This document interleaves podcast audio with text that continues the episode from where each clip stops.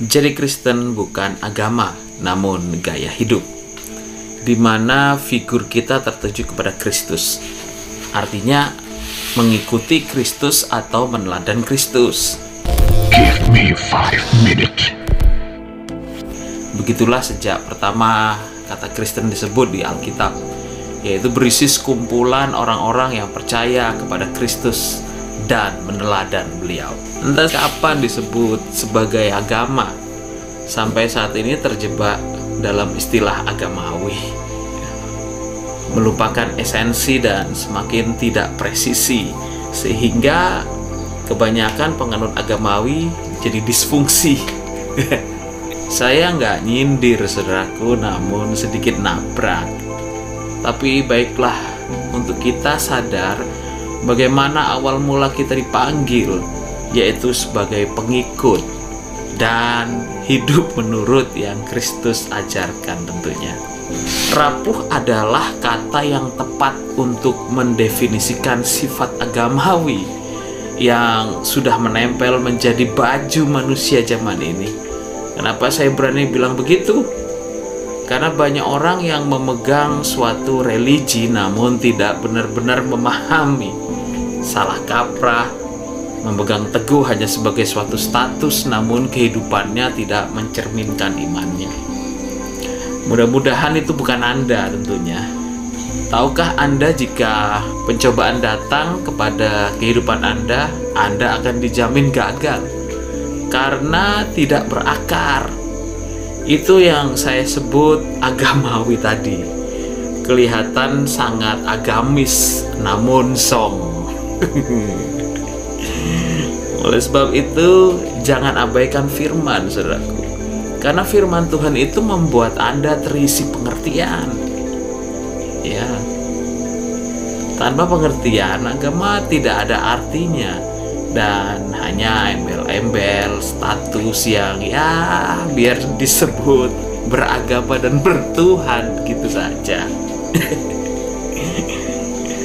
ya begitulah jika kita dilahirkan sebagai manusia beragama tanpa dididik esensi ya memang saya pengen membuat hati anda sedikit gelisah supaya anda muncul kerisihan ilahi gitu dan berbalik mengejar pengertian dan hikmat dari Tuhan. Masakan Anda beragama Kristen, tapi kalau ditanya dasar-dasar kekristenan Anda bengong. Bagaimana kita bisa jadi terang, apalagi jadi garam? Bagaimana bisa berubah dan menjadi benar? Nggak mungkin lah teman.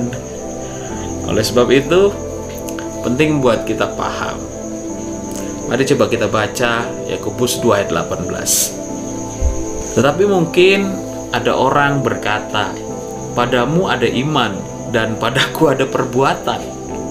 Aku akan menjawab dia, "Tunjukkanlah kepadaku imanmu tanpa perbuatan, dan aku akan menunjukkan kepadamu imanku dari perbuatan-perbuatanku."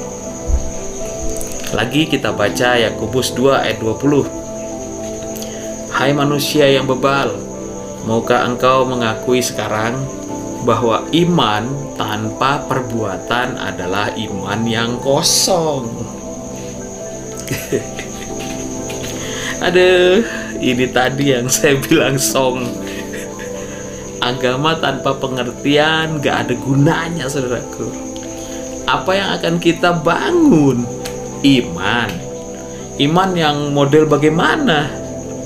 lawang nggak paham kok mau bangun iman kita sudah banyak lihat contohnya di luaran sana kita bisa kesandung dan terus jatuh dan tersedak gitu ya saudaraku janganlah seperti itu.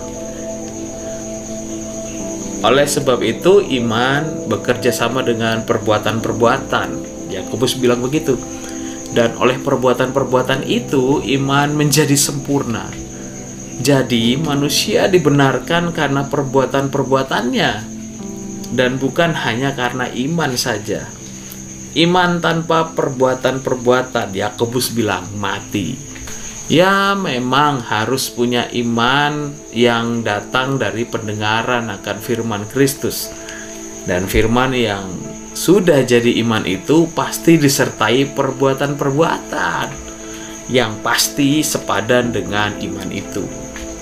Saya berharap Anda paham dan bersama-sama dengan murid Kristus yang lain bergerak maju dalam perubahan ke arah Kristus tentunya. Selamat berjuang. Tuhan Yesus menyertai kita semuanya dalam pertandingan iman yang benar.